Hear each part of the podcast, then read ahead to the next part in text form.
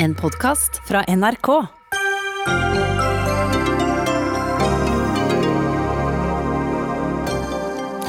Klimaomstillingsutvalget fikk i oppdrag å finne ut hvordan Norge skal klare seg med mindre olje, men ble ikke helt enige. To tidligere Høyre-statsråder møter nåværende stortingsrepresentant fra samme parti til debatt. Naturen på Stad ble nedgradert i verdi og banet vei for vindkraftutbygging. Professor kaller det for en skandale. Konkurransetilsynet mener fem store aktører i norsk bokbransje har samarbeidet ulovlig, og varsler over en halv milliard kroner i gebyr. Men hvor god sak har de? Og Norges 400 rikeste er blitt fattigere, men forskjellene i Norge er likevel blitt større, ifølge partiet Rødt.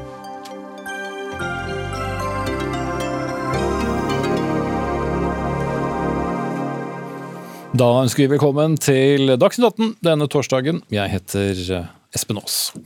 Og først begrensede letelisenser for oljeselskapene, stresstesting av klimarisiko og en raskere omstilling mot grønn næring er blant hovedgrepene Klimaomstillingsutvalget la frem på oppdrag fra tenketanken Norsk Klimastiftelse.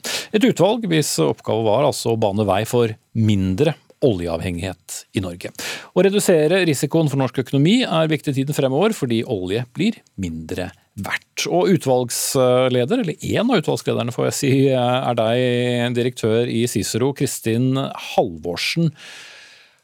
Hva slags mandat var dette? Det var jo et mandat å se på hva gjør vi i Norge for å sikre fortsatt lønnsom produksjon. Hvis vi lykkes med klimapolitikken. Og vi er jo, som du var inne på, et oljeavhengig land. Det betyr at vi har både statsfinanser som er avhengig av olje og gassinntekter, og vi har arbeidsplasser og næringsliv og distrikter. Så det var oppdraget. Og det som er den veldig klare anbefalingen fra utvalget, det er jo at vi må starte nå. Eh, dette er ikke en utfordring som kommer til å forsvinne. Det er eh, land eh, rundt oss, EU f.eks., har en mer offensiv og tydeligere ambisjoner når det gjelder å eh, investere i næringsvirksomhet for lavutslippssamfunnet.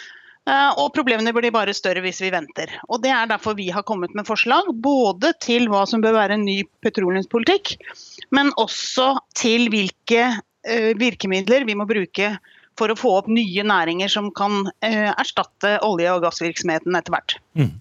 Dere finansieres jo, eller ikke dere da, men Klimastiftelsen, tenketanken, finansieres jo delvis av to kraftselskaper. Eh, I hvilken grad eh, påvirker det konklusjonen? Ikke i det hele tatt. Eh, og dessuten så er både WWF og tenketanken Civita også blant våre eh, oppdragsgivere. og De har gitt oss et mandat og de har gitt oss ressurser til å skrive en rapport. Og For øvrig er jo dette et Eh, utvalg som har meget tung økonomisk eh, kompetanse, som er bredt politisk sammensatt, og som også har betydelig representasjon fra næringslivet. Så det er ingen føringer på dette utvalget her, og det er altså leda av en tidligere SV-statsråd og en tidligere Høyre-statsråd, så mm. ja, bredere ja, eh, er det vanskelig å få ting til. Han sitter i studio her, skal få snakke snart, men det er, det er tett med Høyre-folk i studio. For Stefan Heggelund, stortingsrepresentant for for Høyre. Du har også vært med i uh, utvalget, men uh, du tok også dissens mot flere av, forslagene. og Jeg vet at du vil si at det var mye bra her også, men la oss ta der hvor du var uenig. Hva mener du er galt i konklusjonen? Ja, Da vil jeg også si at jeg var ikke den eneste som har tatt dissens eh, i, i, denne rapporten. Men, men det var noen ting jeg var uenig i, og det handler jo om hva er den beste måten å omstille og utvikle norsk sokkel på? Og det er der jeg mener eh, flertallet i utvalget har eh, landet på gal side. Eh, hvor man ikke tenker nok på den omvendte risikoen for Norge. Og med det mener jeg følgende. Hvis vi skal klare den klimaomstillingen som vi skal gjennom, da trenger vi økonomiske muskler for å få det til, og vi trenger kompetanse. Jeg mener de forslagene som ligger i rapporten som vi har her, når det gjelder eh, aktivitet på norsk sokkel, vil bidra til kompetanseflukt. nedbemanning i disse selskapene som nå forsøker å bredde seg som energiselskaper, og som allerede i dag investerer tungt.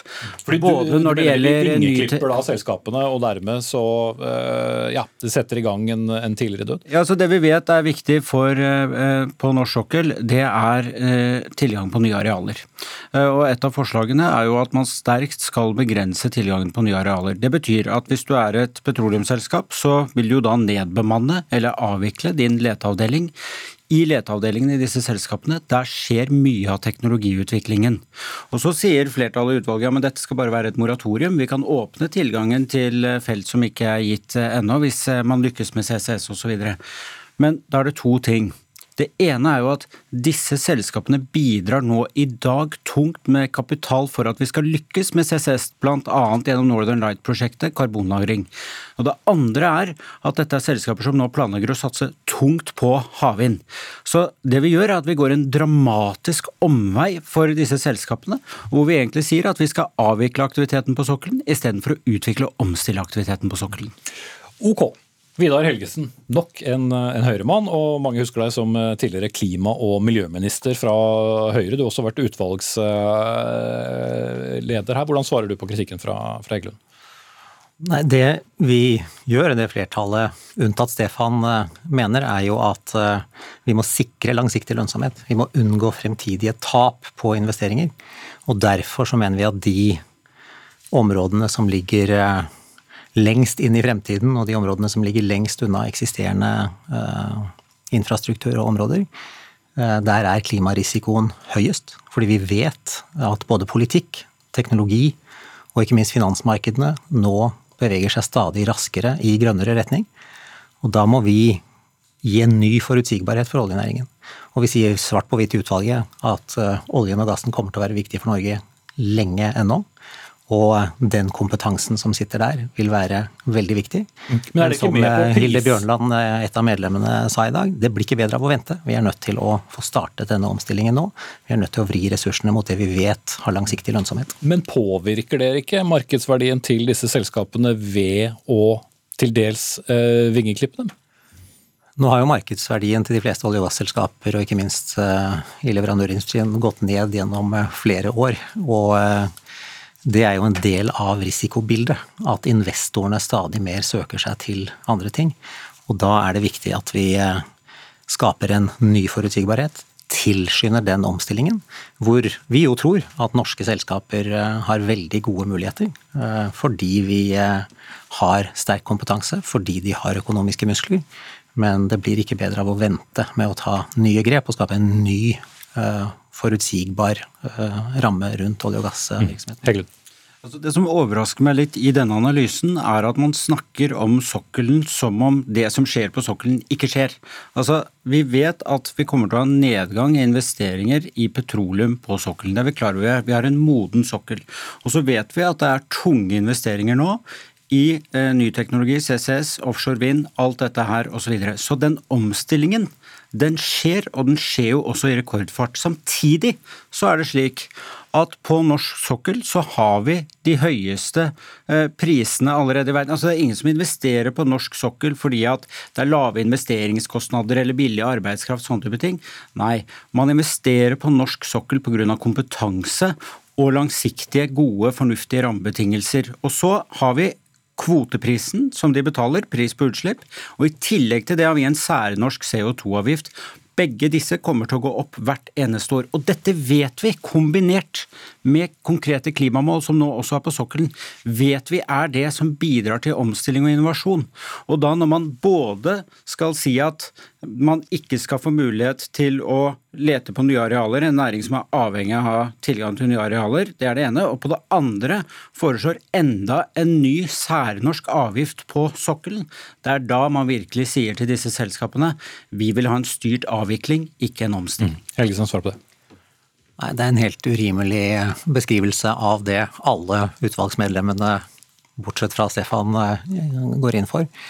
Um, Det er et eh, faktum at eh, finansmarkedene, at teknologiutviklingen, fornybarutviklingen, og ikke minst politikken strammes til internasjonalt. Bare denne uken kom Kina med beskjed om at eh, de går for klimanøytralitet i 2060. Kina er verdens største importør av olje. EU har en veldig ambisiøs politikk. Eh, de er Norges største kunde for olje og gass. Sånn at vi eh, må se at i det bildet så er risikoen for fremtidige prissjokk, både bråsjokk og varige endringer, så stor at vi trenger nye rammevilkår. Og det vi gjør, er ikke å frata letemuligheter, men det er å si at leting bør skje der hvor det er eh, minst risiko for økonomiske tap. Eh, det er en ganske moderat endring. Og så sier vi at vi må ha reelle stresstester opp mot eh, prisbaner som er sjekket mot Parismålene. Og så sier vi at vi må tilbake til et nøytralt skattesystem. Ok. Enda en tidligere Høyre-statsråd, Hanniken Hauglie, men nå er du sjef i, i Norsk olje og gass og representerer sånn sett næringen. Hva er din reaksjon på denne rapporten? For det første så er det jo noe som vi er enig i også. Eh, vi er glad for at eh, utvalget slår fast at eh, petroleumsnæringen skal være viktig i mange år framover. Vi er enig i at, at, produksjonen kommer til å gå ned med årene. Det skyldes ikke bare klimaavtaler og etterspørsel, men det skyldes rett og slett at reservoarene tømmes. Og vi er enige om at det er viktig med en omstilling. Men for oss er ikke den omstillingen noe som vi ser for oss inn i fremtiden. Bransjen står i denne omstillingen her og nå, og har gjort det i veldig mange år. Men hvis man mener at denne næringen skal være viktig mange år framover, så er det viktig at man har eh, forutsigbare rammebetingelser. Det handler om tilgang på areal. Det er det de sier at det er? Ja, nei, det er, altså når man begrenser muligheten til areal, så er det åpenbart ikke forutsigbart. Det er jo areal er en forutsetning for å lete, finne og produsere olje. Og vi er jo avhengig av at det også er forutsigbart på, på den økonomiske siden på skatt og avgifter. Man ønsker å innføre en del nye prinsipper som kommer til å gjøre det mye dyrere på norsk eh, sokkel, så kommer til å gjøre den mindre konkurransedyktig. Og det som også, som også Heggelund sier, det er jo ingen som produserer eller kommer til Norge fordi det er eh, billig å drive her, men det er fordi at kompetansen eh, er høy, og det er god kvalitet på det man, på det man gjør. Så, så, jeg frykter jo at det man kommer til å gjøre med dette, er at man kommer til å gjøre det enda vanskeligere å drive på norsk sokkel. Eh, og så er det viktig å si at eh, Skal man nå komme gjennom den omstillingen som alle er opptatt eh, av, så er det viktig at vi beholder og sørger for å utvikle den næringen som skal tross alt være premissleverandør for den omstillingen vi står oppi. Denne uken så, så kom jo regjeringen med viktig investeringsbeslutning på karbonfangst og -lagring. Dette er jo teknologi som kommer ut av olje- og gassnæringen. Olje- og gassnæringen har jo holdt på med dette i 25 år.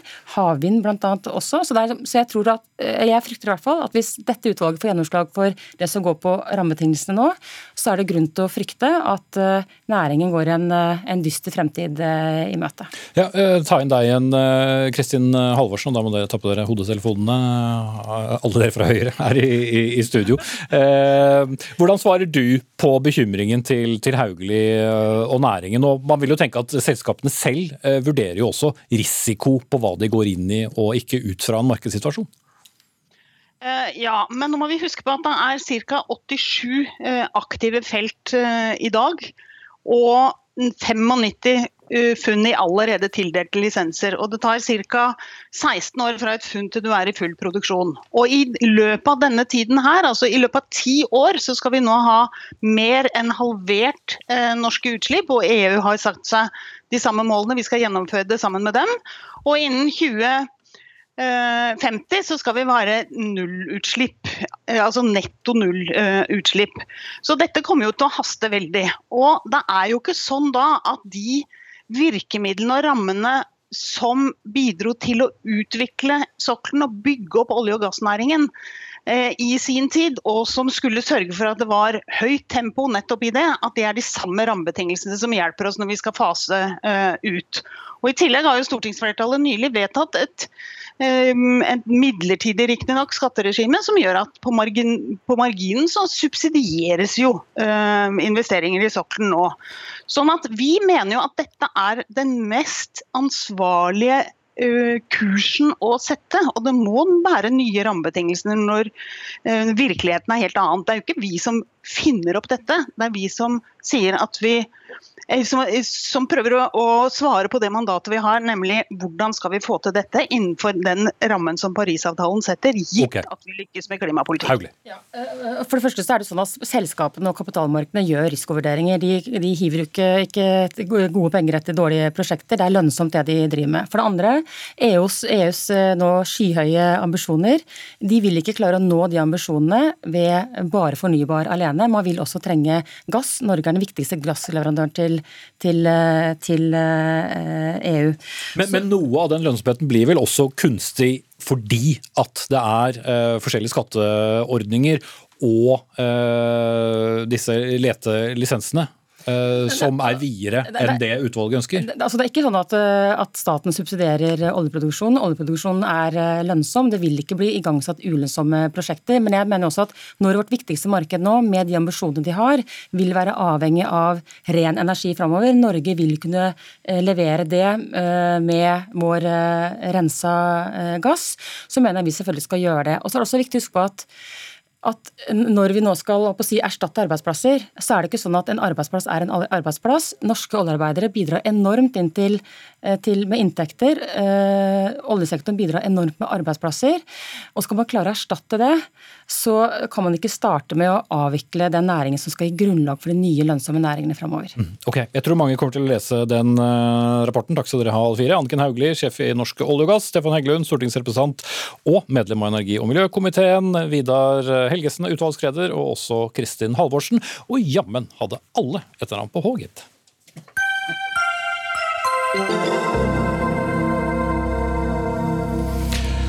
Så skal vi til norsk eh, bokbransje. Konkurransetilsynet varsler nemlig overtredelsesgebyrer på til sammen 502 millioner kroner til fem store aktører i bokmarkedet.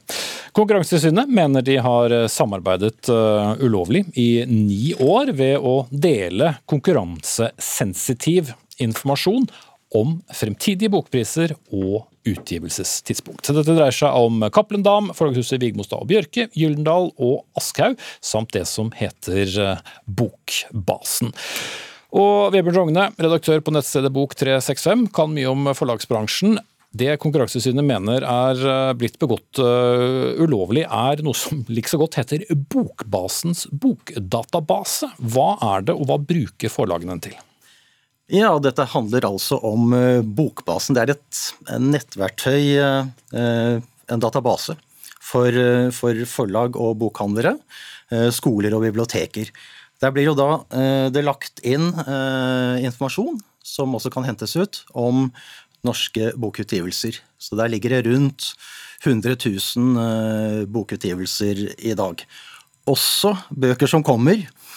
Og, og prisingen? og prisingen, og når de kommer. Og det er vel det som er Konkurransetilsynets uh, anliggende her. At akkurat den infoen kan misbrukes. Mm. Ja, og Vi skal for så vidt høre begrunnelsen fra Konkurransetilsynet straks. Men hva er det da som disse fem har tilgang til, som andre aktører ikke har tilgang til? Ja, egentlig ingenting. Eh, det er vel det at nettopp disse fire er jo blant eh, eierne i denne bokbasen. Så det er jo det at de ifølge tilsynet da skal ha delt informasjon. Eh, og at det er de som står bak det. De er, det er fire eiere, to distributører og tre bokhandelkjeder som står som eiere. Men det er jo forlagene da som primært ligger inn eh, info om bøkene som kommer. Mm. Vebjørn Nesse, avdelingsdirektør i Konkurransetilsynet. Eh, dere altså varsler overtredelsesgebyr, som dere sier. Hva, hva konkret betyr det? Ja, Det betyr at eh, Konkurransetilsynet Og dere i studio tapper telefoner. ja, vær så god. Det, betyr at, eh, at, Konkurransetilsynet har kommet til at de fire største forlagene i Norge har samarbeidet i strid med konkurranseloven. og at de har gjort sånn som du sier her, at de har eh, delt informasjon om bl.a. om prisingen av sine fremtidige bokutgivelser. Eh, og at denne, denne informasjonen er delt eh, gjennom Bokbasen sin database. Da. Og rent formelt, er dere da ferdig konkludert i saken? Nei, nei, det er vi ikke. og Det er jo viktig å, å si at dette er et varsel. og Det betyr at forlagene og de involverte foretakene nå har to måneder på seg til å komme med sitt svar på våre bekymringer.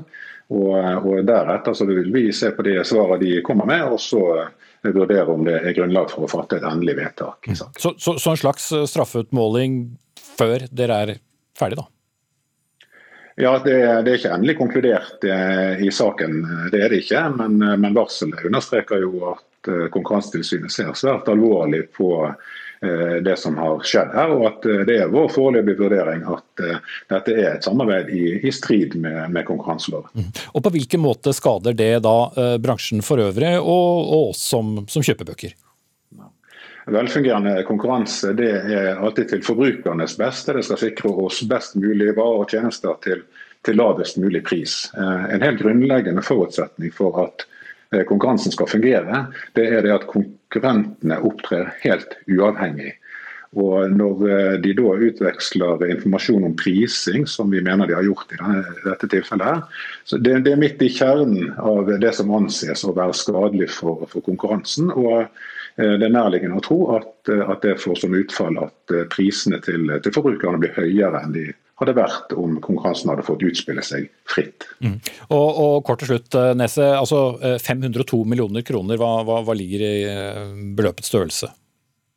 Ja, I den type saker så utmåles disse gebyrene etter eh, helt konkrete retningslinjer. Det er tre forhold som er viktige der. Det ene er omsetningen til de involverte selskapene. Det andre er hvor grov overtredelsen anses å være. Og det tredje er hvor lenge den har pågått, altså varigheten. I dette, denne saken her så har vi store selskaper, og vi har en grov overtredelse og vi har en varighet som strekker seg over mange år. Mm. Og Det er bakgrunnen for at eh, det blir de summene som vi, vi ser her. Ingen av de fem involverte ønsket å stille i studio i kveld, men vi har med oss eh, Forleggerforeningen, hvor tre av de forlagene, da, Aschehoug, Cappelen og Gyldendal, er medlem. Og styreleder Edmund Austegard i Forleggerforeningen, hvordan stiller dere dere til ja, dette varselet da, fra uh, Konkurransetilsynet? Eh, ja, altså Forleggerforeningen er jo ingen part i denne saken, slik at her må jeg lene meg på det som de tre berørte medlemmene uh, sier. De sier jo at dette kjenner de seg absolutt ikke igjen i. og de sier òg at de uh, nærmest ser fram til å jobbe med Konkurransetilsynet framover til 24.11. med å få alle fakta på bordet. Mm. Så de uh, ser ikke for seg at de kommer til å ende opp med å være med på å betale et gebyr på over en halv milliard? Det vet jeg ingenting om, men eh, de kjenner seg iallfall ikke igjen i denne beskrivelsen som eh, Konkurransetilsynet legger fram i dag. Mm. Hvis vi skrur klokken et par år tilbake i tid, 2018, så var det også flere forlag som ble dømt for lignende varsler. Eh, hva forteller dette om forlagsbransjen? Jeg kjenner ikke den saken, så det kan jeg heller ikke si noe særlig om. Mm. Men jeg eh, lener meg på deg igjen, eh, Rogne, som ser i hvert fall dette litt uh, utenfra. Det er altså ikke første gang, og det var jo for så vidt det Nese sa også, at Konkurransetilsynet er etter bokbransjen. Nei, det kan du si, men samtidig så er det to veldig forskjellige saker, dette her. Denne gangen så dreier det seg jo om noe som Konkurransetilsynet mener er prissamarbeid. Der vil jo de berørte forlagene mene at det er totalt urimelig eh, og absurde beskyldninger er jo det som har vært eh, kommentarene derfra i dag. Eh, også fordi at man vil mene at bøker er unike produkter. Det er ikke som å sammenligne kjøttdeig og kjøttdeig, dette her. Nei, og det, det, er bare poenget, hvis jeg kan gripe inn der. fordi at Bokbransjen er ikke akkurat som dagligvarebransjen uansett. Nei, slett ikke. Det er jo, jo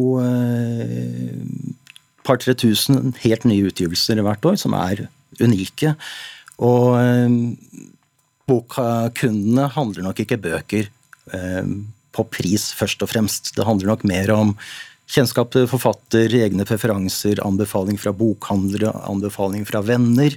Så, så det er en helt annen skål. Jeg tror ikke noen kjøper en Roy Jacobsen-roman fordi at den er 20 kroner eh, billigere enn eh, en eh, Hanne Ørstavik-roman, eller vice versa. Mm. Men samtidig så er det jo påfallende hva en ny bok koster, uten at du trenger å se på forlaget. Priskrigen på bøker kommer stort sett samtidig, og det heter mammutsalg eller når det er pocket. Så det virker jo veldig regulert, dette, dette her da, Østegard? Ja, det er klart at altså, Bokbasen er tvers igjennom uh, gjennomsiktig. Det er en digital katalog over bøkene som er i salg, og de som kommer i salg. Uh, den blir brukt av skoler, bibliotek, kulturredaksjoner i media. Den blir brukt av 500 bokhandlere og 1400 utgivere. Så det er ingenting i den basen som er hemmelig på noe som helst vis. Alt er tilgjengelig. Eh, så det er vel kanskje derfor for flere stusser eh, over akkurat denne saken. Den kan sammenlignes med Kelko eller andre prissammenligningstjenester, om du vil. Så, så det blir Og så er det en nettjeneste som forbrukere kan bruke hvis de lurer ja, på hva noe koster, gitt at ja. alle er registrert kan, på, i den databasen. da. Ja, du kan gå på ark.no eller haugenbok.no og finne akkurat samme informasjon. Mm. Men uh, igjen, Rogn, dette er jo som du sier, ikke en, en, helt vanlig bransje. Vi har fast pris uh, på bøker. Uh, Eh, momsfritak. Eh, så hvor burde ikke det også tilsi at det burde være et visst rom for å konkurrere innbyrdes, eller er det til bransjens fordel at eh, bøker koster det samme? Nei, altså bøker, for det første, bøker koster jo ikke det samme, og jeg tror, men mitt hovedpoeng er vel at ikke, altså konkurransen ikke først og fremst skjer på pris når vi ser på, på bøkene, men mm. på ja, ut fra andre faktorer isteden. Mm. Ja, vi får i hvert fall se på hvilken måte forlagene da svarer, og hvordan Konkurransetilsynet konkluderer til slutt. Takk skal dere ha her i studio. Vebjørn Rogne, redaktør i Bok 365, og Edmund Ausegard, styreleder i Forleggerforeningen.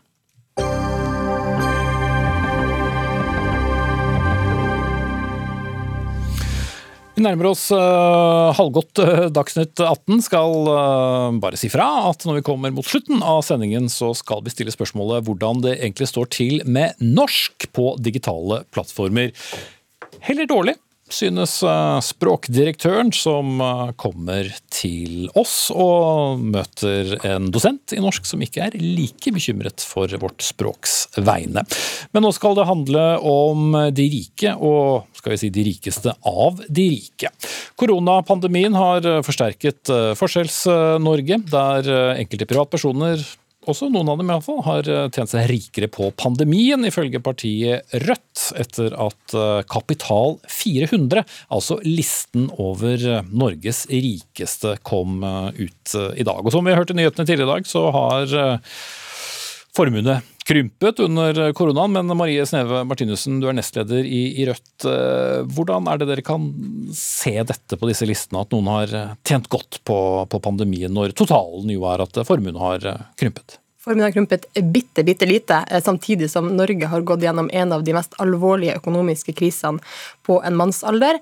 Og vi mener at spesielt i enkelte sektorer så kan man si at eh, forskjellen har vært veldig stor. F.eks. i dagligvaresektoren så topper jo da eh, eiere av matbutikker og matproduksjon lista i år og har økt formuen sin med flere milliarder. Og det samtidig som de ansatte i dagligvaren har vært eh, lønnstapere flere år på rad og har fått lite annet enn mer applaus i det oppgjøret de nylig er ferdig med. Så vi mener jo at eh, en liste der man kan si at de 400 rikeste har nesten like stor formue nå som for ett år siden, samtidig som vi har flere hundre tusen arbeidsledige som frykter for egen inntekt, og som har gått betydelig ned i inntekt, så er vi i hvert fall redd for at det her eh, kan øke forskjellene. Har jo da foreslått på Stortinget at man setter ned et utvalg for å nettopp se nærmere på om koronakrisa har økt forskjellene, og om man kan gjøre noe med det. Mm. La oss eh, stoppe litt ved denne listen. Vibeke Holt, du er redaktør for uh, Kapital. Altså, uh, et litt sånn spørsmål hver gang denne listen kommer, er hvem, hvem er egentlig nordmenn, og hvorfor Eller hva, hva, er kriteriene for å komme inn på listen, og hvordan er dere regner ut hvordan man er rikest? Ja, um Kriteriene for å komme på listen i år, det har jo vært at uh, du må ha en formue på 850 millioner kroner. Så det er jo snakk om at det er veldig mange rike her i landet. Uh, det er 316 milliardærer også, så det er, eh, det er, veldig mange rike her i landet. Um, og vi jobber kontinuerlig gjennom eh, hvert år uh, for å kartlegge verdiene til de rike. Vi har en logg med 1200 navn, og så sitter vi og regner på hver enkelt og bruker ulike verdsettelsesmetoder. Uh, vi bruker multiplanalyse, kontantstrømanalyse, ser på balansen osv. Og, så og så snakker vi med de som er på listen for å få innspill og se om det er noe vi ikke har sett. Og så kommer vi da med et anslag, og det er veldig viktig å poengtere at det er ikke noe fasit vi presenterer, men det er det beste tilgjengelige anslaget. Eh, og det gjør vi for å forsøke å være et korrektiv til skattelistene, som kommer nå senere i høst, eh, og som ikke gir uttrykk for de reelle verdiene. Der ser man på historiske bokførte verdier, mens eh, våre tall forsøker å finne markedsverdien og de riktige verdiene. Ja, Du har også kalt denne listen den mest dramatiske på, på 40 år. Hvorfor det? Eh, fordi eh, at eh, den, den, listen i år har um, vært så enormt store forskjeller. Vi har sett så mange som har tapt så enormt mye som vi ikke har sett uh, siden vi startet med listen for over 30 år siden.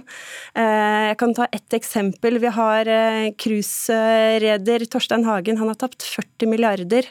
Han var i fjor god for 60, så han har fortsatt 20 igjen. Men, men et formuesfall på 40 milliarder, det har vi ikke opplevd, sannsynligvis siden krigen i hvert fall. Mm. Mens f.eks. Reitan-familien har gått stikk motsatt vei. De har gått stikk motsatt vei. Og det, det, vi også ser, og som vi mener jo, er at den listen her i stor grad også har blitt en konjunkturindikator og sier en slags temperaturmåler på norsk eh, næringsliv.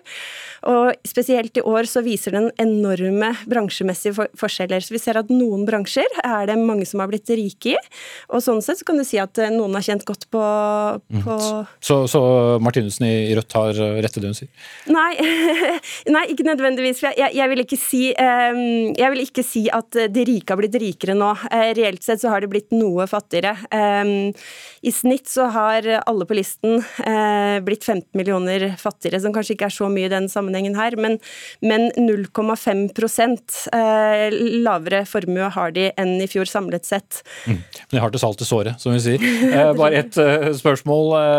Kyprioten Jon Fredriksen, som er bosatt i London, hvorfor er han en av Norges rikeste?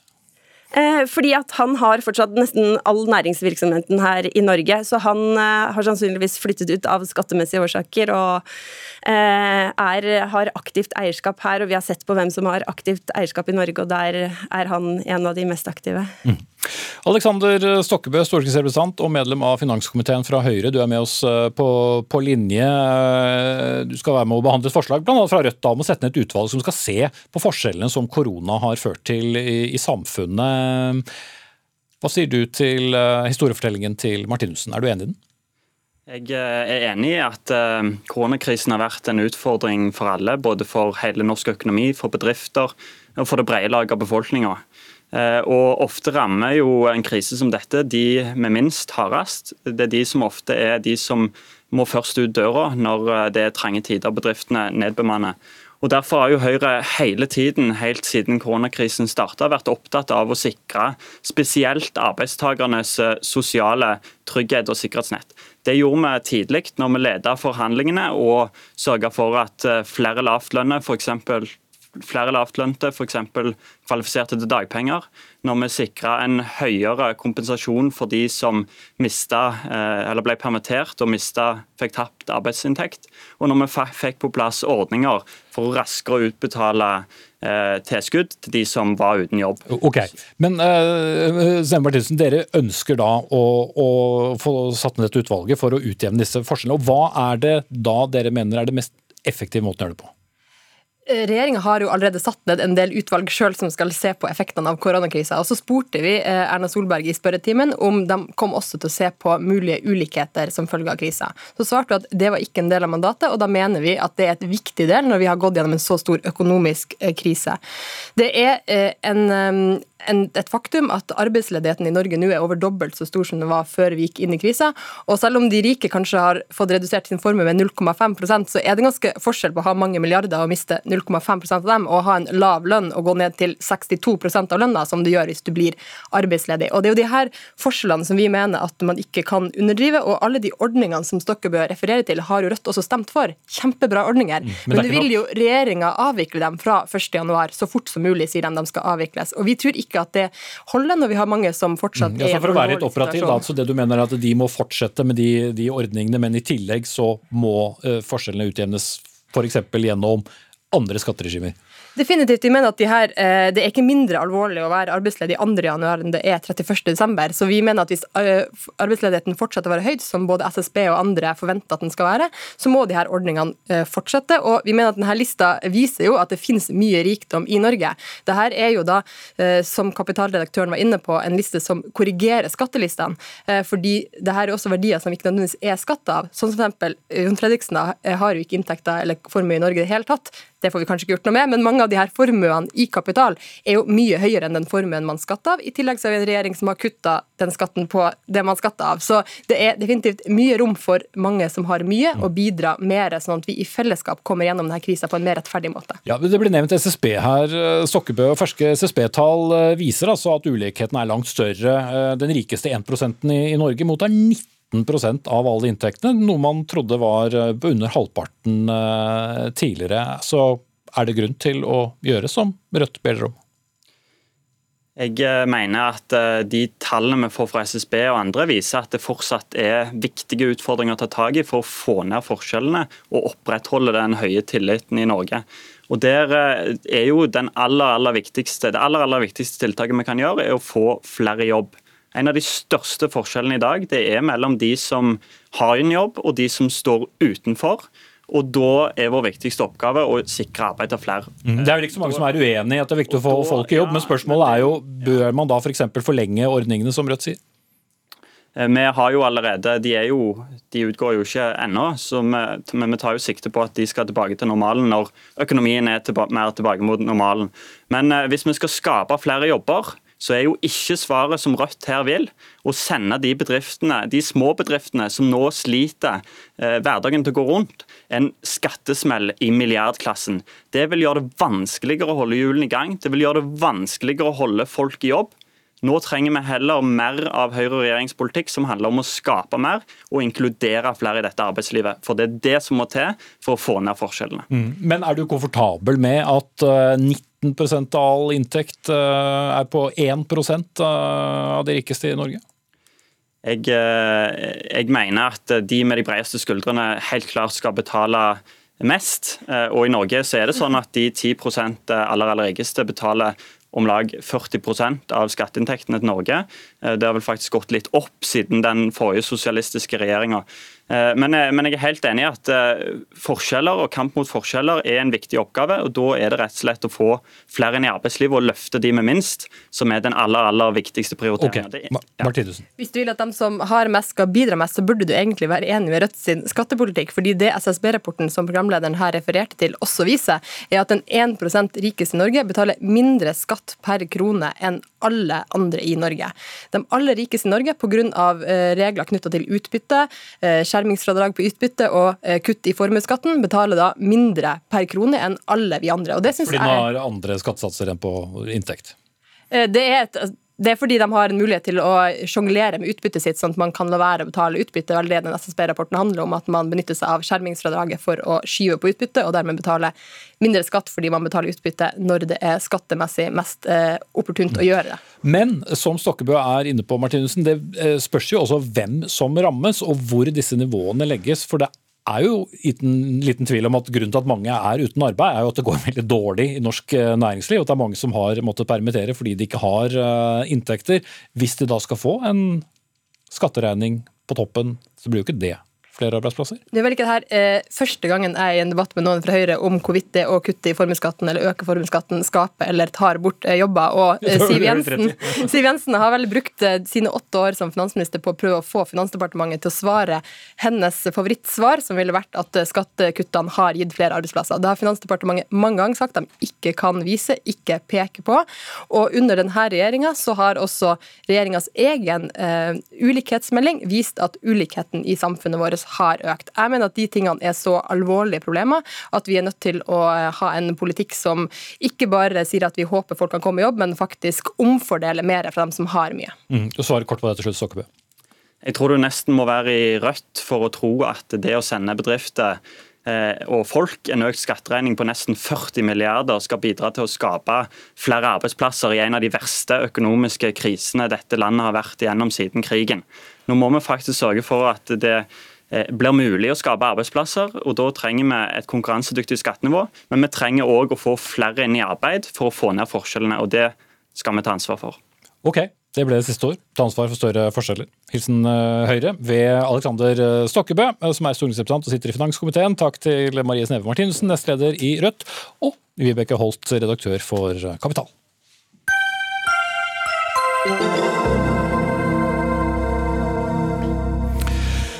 Nå skal vi til eh, et eh, ganske omstridt eh, tema i Norge. Det handler nemlig om vindkraft. Og vi skal til Stad på Vestlandet, hvor det er satt i gang arbeid med å sette opp vindturbiner og det i et naturområde som i en rapport fra 2005 ble ifølge konsulentene vurdert til å være et område med det som heter stor til middels verdi. I 2013 ble nye konsulenter hyret inn, og de vurderte området til å ha middels til liten verdi. Fylkesmannen mente at det var en feil vurdering av naturverdien, men eh, NVE ga grønt lys, og anleggsmaskinene har nå begynt å bygge en vei til der vindkraftturbinene skal stå. Rune Flatby, leder for konsesjonsavdelingen i NVE, hvordan, hvordan vurderer NVE dette? Hvordan er én rapport viktigere enn en annen? For det første vil jeg si at eh, alle disse, eller Det foreligger faktisk tre rapporter her. og Alle disse tre rapportene inngår jo i det beslutningsgrunnlaget som vi eh, bruker når vi vurderer et sånt prosjekt. Mm. Og, og, Litt av poenget for de som ikke eh, har den samme tilnærmingen til stor og middels verdi og liten til middels verdi, det handler om hvilke inngrep man kan gjøre i naturen ut fra hvorvidt det er myr, stein osv. Nettopp. Og da klassifiserer man dette området med ulike verdier er klassifisert her i den ene rapporten som høy verdi. Så er det den siste rapporten som er lagd, da ble klassifisert litt lavere. Mm. Og Det hadde en sammenheng med at man mener at det har vært noe uttak av torv bl.a. i denne myra. Mm. Og Da var det den dere lente dere på, og dermed kunne man åpne for byggingen? Eh, det er ikke riktig sånn, for eh, vi legger til grunn alt det kunnskapsgrunnlaget vi har i denne saken sammen med de høringsuttalelsene vi har fått. Så var dette en periode hvor det var veldig sterk satsing på fornybar energi, og vi hadde en veldig positiv kommune her. Vi hadde en fylkesplan som hadde ambisiøse fornybarmål. Og som også vektla kommunenes holdning. Og i den avveiningen her mellom fordeler og ulepper, så kom vi ned på at det var grunnlag til å gi konsesjon. Mm. Men hadde konsulentrapporten fra 2013 vært enig med konsulentrapporten fra 2005, så hadde dette vært vanskeligere? Bare sånn rent formelt? Eh, nei, egentlig ikke. For disse rapportene omfatter mye større områder enn der det, det er utredet et mye større område enn det som blir den faktiske, konkrete utbyggingen. Så det må gjøres en konkret vurdering i hver enkelt sak om hvordan disse får Det er en vanskelig avveining. Det er ulemper med fornybar energi. Det er ulemper for natur. Men det må veies mot disse andre hensynene. Og det er en krevende øvelse som mm. det går an å være uenig i. som eh, noen er. Og, og Fylkesmannen vurderte altså denne saken eh, noe annerledes. Kjell Kvingedal, du er miljødirektør hos Fylkesmannen i, i Vestland, som på en måte da for å forklare norsk forvaltning, er, er statens uh, representant, uh, og er noe annet enn f.eks. En, en fylkeskommune eller en uh, kommune. Så hva var deres vurdering? Vi vurderte denne naturfaglige rapporten som fulgte konsekvensutredningen i 2005, til å vise de avgrensningene som var gjort av viktige rødlistede naturtyper, som terrengdekkende myr og kystlynghei, til å være svært viktig. Og Den viste også at disse hadde stor verdi. Eh, og Så kom det også en ny rødliste i 2006 for naturtyper, og også forsterkede kriterier, som førte til at eh, det ble en forsterket verdivurdering eh, av dette området i 2007. Og Dette er naturtyper som, eh, som, preger og er veldig spesielle for landskapet på Vestlandet. Terrengdekkende myr finnes kun i denne delen av eh, Nordfjord og Sunnmøre og oppe på, i Finnmark. En veldig sjelden type med kuperte platåer preget av ganske stor nedbør. Mm. Så det du, sier, det, beklager, det du sier er at 2013-rapporten eh, hadde da feil konklusjon? Ja, Vi fikk den forelagt når det var et sluttmøte etter at vi hadde innsigelse til saken, og saken skulle behandles av Olje- og energidepartementet. Og Da kom det en ny rapport der verdivurderingen var en helt annen. Dette sendte vi et eget notat til eh, NVE på syv sider, og der vi kommenterte svakhetene i denne rapporten. Og Det som ligger i den første rapporten fra 2005 og 2007, det ligger også i den nasjonale naturbasen og også et grunnlag for eh, den kommunale naturtypekartleggingen i området. Så Det er den som ligger til grunn for verdivurderingen. Mm. Jeg skal bare gjøre da oppmerksom på at Vi har vært i kontakt med dette konsulentfirmaet som utarbeidet 2013-rapporten, eller tilleggsrapporten i 2013, men de vil da ikke kommentere den kritikken som kommer nå fra Fylkesmannen. Men, men Flatby, det har altså kommet én fagmyndighet som påpeker at de mener det er feil i, i vurderingen. Hvordan spiller det inn i deres sluttvurdering? Det inngår som jeg sa, i den vurderingen som vi gjør av det totale bildet vi har i saken. og Det inkluderer jo da også alle høringsuttalelsene. Mm. Og Det er i disse sakene kommunenes eh, synspunkter også veier tungt i sakene. og og, og, og ønsket om å satse da på, på, grønn energi? Ønsket om fornybar energi sto sterkt, og det står vel for så vidt sterkt ennå, selv om vindkraftdebatten har utviklet seg siden den gang. Men det var jo et sterkt ønske om det, og det er det. Og da er det en krevende avveining, og man kommer ikke unna at man må gjøre inngrep i norsk natur hvis man skal bygge den type anlegg. Og det blir da en diskusjon og en avveining som er en krevende øvelse. Bare sånn igjen for å drive litt voksenopplæring på, på, norsk forvaltning. Da. Så selv om en fylkesmann har en eh, innsigelse, så kan likevel NVE konkludere annerledes? Når det er en innsigelse fra Fylkesmannen, så kan NVE konkludere, men saken skal sendes til Olje- og energidepartementet for endelig avgjørelse. Mm.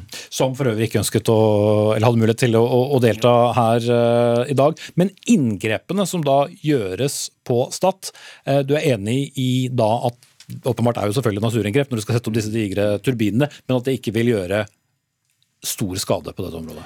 Vi har vurdert at i forhold til de fordelene som den type prosjekter har, så er ikke de større enn at de kan aksepteres. Så er det jo også sånn at i dette området så er det altså store områder som er vernet nettopp av de samme hensyn. Mm. Professor i biologi ved Universitetet i Bergen, Vigdis eh, Vanvik. Eh, vi har sett deg intervjuet eh, i en nettsak på, på, på NRK. Bare kort, hvordan vil du betrakte prosessen her? Ja, det som er interessant her, det er jo det at, at uh, det er ikke helt riktig det som Flateby sier. fordi at Hvis du leser konklusjonen både fra NVE og OED, så er det helt tydelig at de overprøver fagmyndigheten på de faglige vurderingene. Uh, det kom ganske riktig en rapport i 2005-2007, og så kom det en rapport i 2013. Og så har det også området vært omtalt i, for i forbindelse med myrplaner og den typen ting, så i 2000, eller i, på 80-tallet og på 70-tallet.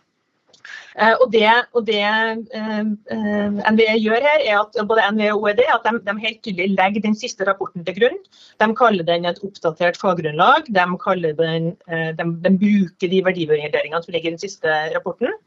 Og Det gjør de til tross for at de har fått helt klar beskjed i et veldig tydelig og sånn opplistende notat fra fagmyndigheten som helt klart sier at den siste rapporten den holder ikke faglig mål. Klapper. Ja, det er eh, riktig som jeg sier at vi har blitt gjort oppmerksom på det. og Som jeg sier så inngår den sammen med de tidligere rapportene i det beslutningsgrunnlaget vi har hatt. Og som jeg da har sagt, som vi vektla på den måten at vi likevel fant grunnlag til å gi konsesjon. Mm.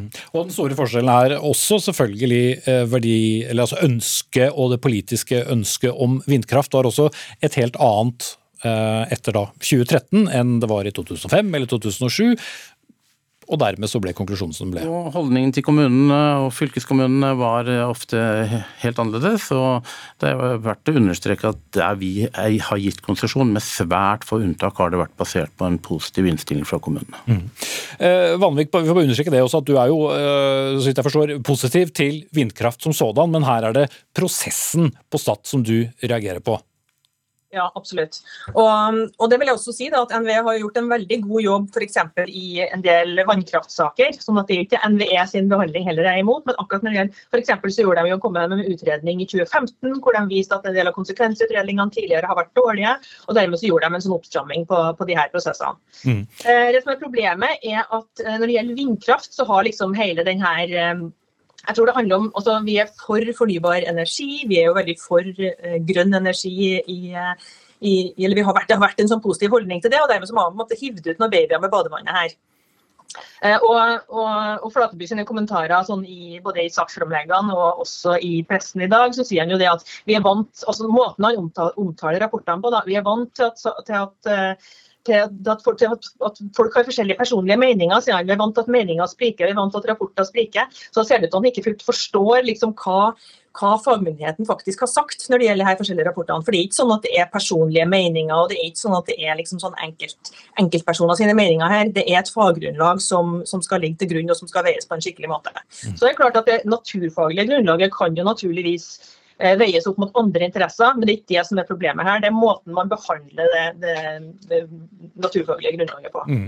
Men NVE har likevel muligheten til altså Det er jo de som har uh, siste ord sammen med uh, Olje- og energidepartementet? Ja, ja, absolutt. Men, men, ikke til å overprøve fagmyndigheten på fag. Det er det jeg syns er spesielt. Mm. Floppy. Ja, det vil jeg bare si at Vi har ikke overprøvd fagmyndigheten med fag, men vi har lagt den inn sammen med det andre som beslutningsgrunnlag, sammen med høringsuttalelser og annen kunnskap som er om dette, og de innspillene vi har fått både lokalt og regionalt. Mm. Men du står fortsatt ved den beslutningen, at det var riktig å gi konsesjon for eh, oppsetting av disse vindturbinene i, i dette området. Selv om for all del eh, klimaet har eh, endret seg også noe i, i Norge eh, når det gjelder vindkraft på land, men ut fra de vurderingene som dere gjorde, så står du fortsatt? Vi står ved de beslutningene som ble tatt på den tiden, som var i et regime som var litt annerledes enn dagens klima rundt vindkraftverk. Men sier du nå at det ville vært annerledes i dag, etter alle de høringene Nei, som kom? Nei, det sier jeg ikke. Det, det blir en litt sånn hypotetisk problemstilling, men vi har har, Det er jo ikke uvanlig for oss at det er uenighet i sånne type saker. Eh, og vi er nå blant dem som skal prøve å veie disse tingene mot hverandre og komme frem til en eh, beslutning som tar hensyn til de ulike hensynene i en sånn sak. Ok, Vi setter strek der. Takk skal du ha, Rune Flatby, leder for konsesjonsavdelingen i eh, NVE. Og vi hørte også Kjell eh, Kvingedal, miljødirektør hos Fylkesmannen i, i Vestland. Og til slutt her eh, Vigdis Vanvik, professor i biologi ved Universitetet i Bergen. Hør Dagsnytt 18 når du vil. Radio NRK Radio.nrk.no.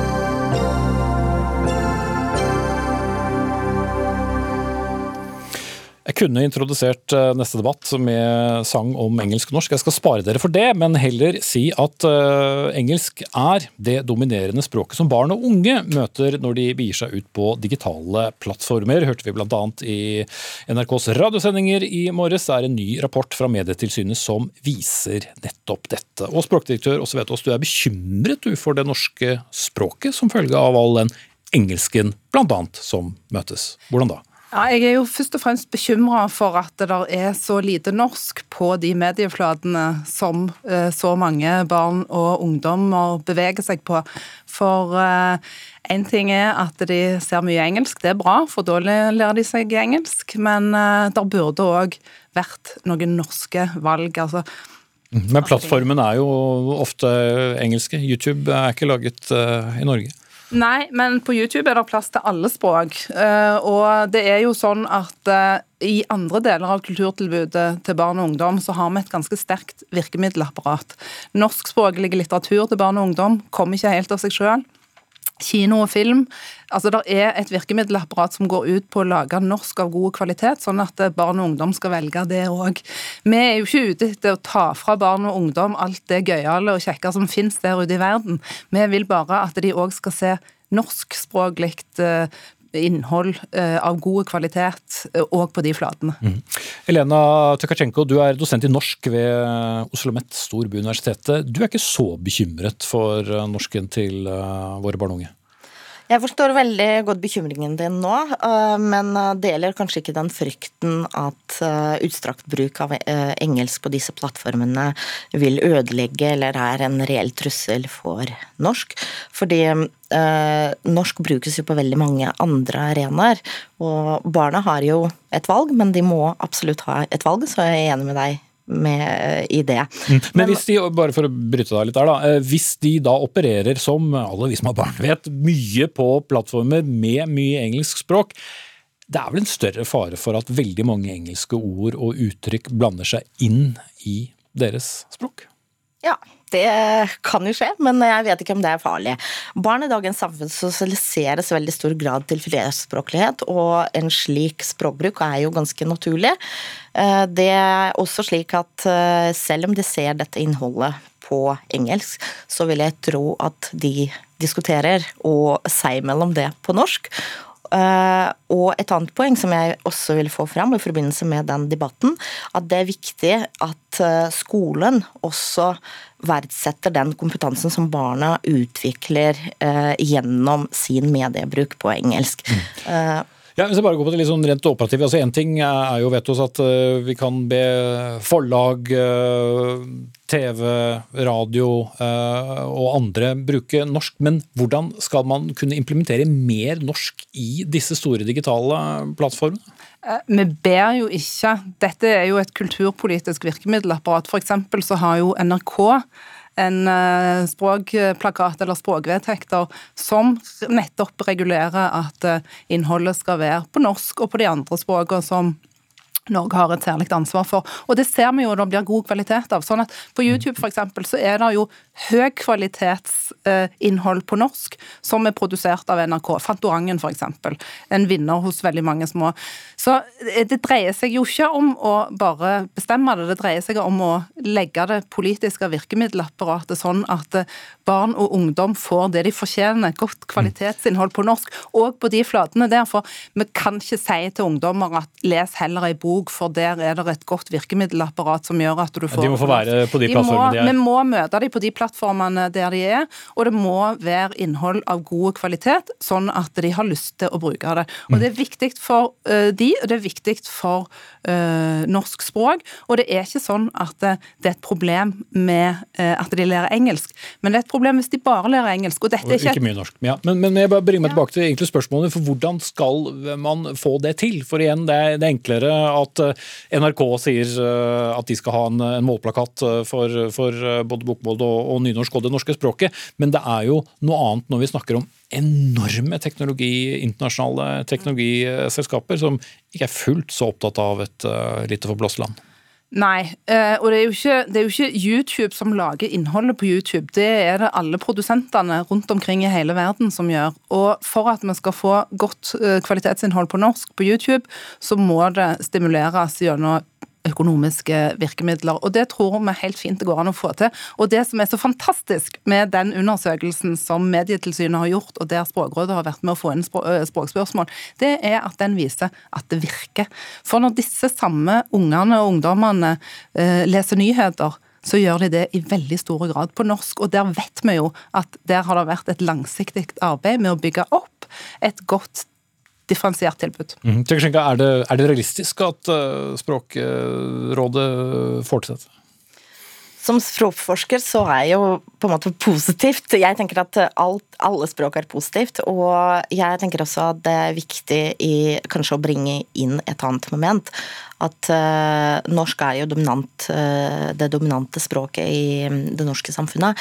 Men uh, jeg som språkforsker på flerspråklighet er jo mye mer bekymret for hvordan denne mediebruken ødelegger kanskje for barnets morsmål. fordi hvis de foretrekker å bruke fritiden sin på engelsk istedenfor å kanskje se innholdet på morsmålet eller på hjemmespråk som du bruker, så blir den allerede redusert redusert, eh, redusert og ganske begrenset bruksområde enda mer redusert. Mm, ja, flerspråklighet er jo bra, men eh, det at alt er på engelsk, det er jo ikke flerspråklighet. Og dette problemet er det samme over eh, hele Europa. Når jeg treffer mine europeiske kolleger, så er det i stor grad dette vi snakker om.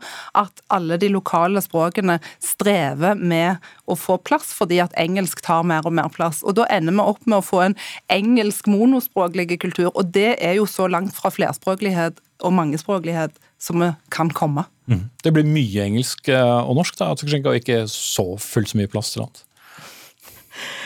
Jeg tenker at jo, jeg er helt enig i det du sier, og jeg tror vi er egentlig enige om eh, at det bør være mer språklig mangfold i mediene og i de ulike mediekanalene. Mm. Men du mener fortsatt at uh, norske barn og unge, unge har en så sterk tilknytning til det norske språket gjennom andre kanaler at påvirkningen uh, er ikke bekymringsfull? Ja, jeg er ikke så bekymret for akkurat det, at, og syns ikke det er en trussel for det norske språket. Mm. Men det er som alltid da, politikerne og en pengesekk som, eh, som må til? Ja, og så er det rett og slett òg litt sånn holdningsarbeid hos voksne, tror jeg. For vi voksne vi er kanskje ikke så vant med å tenke på at disse flatene òg er kulturflater for ungene våre. Men veldig mange unger er på YouTube. Noen leser bøker i tillegg, andre leser ikke bøker. Så vi må sørge for at alle får ta del i norsk kultur og norsk språk på de medieflatene der de faktisk oppholder seg. Mm. Da var det great vi tok denne debatten. Noen uh, ungdommer syns sikkert dette var helt lol, men uh, vi stopper her. Takk skal du ha også, vet oss, språkdirektør, og Elena Tekasjenko, dosent i norsk språk, eller i norsk, rett og slett, ved Oslo MET. Vi er ved veis ende, vi. Og det var Jarand Ree Mikkelsen som hadde ansvaret for denne sendingen. Ida Larald Brenna tok seg av det tekniske. Jeg heter Espen Aas, og om bare 23 timer og to minutter så er jeg tilbake.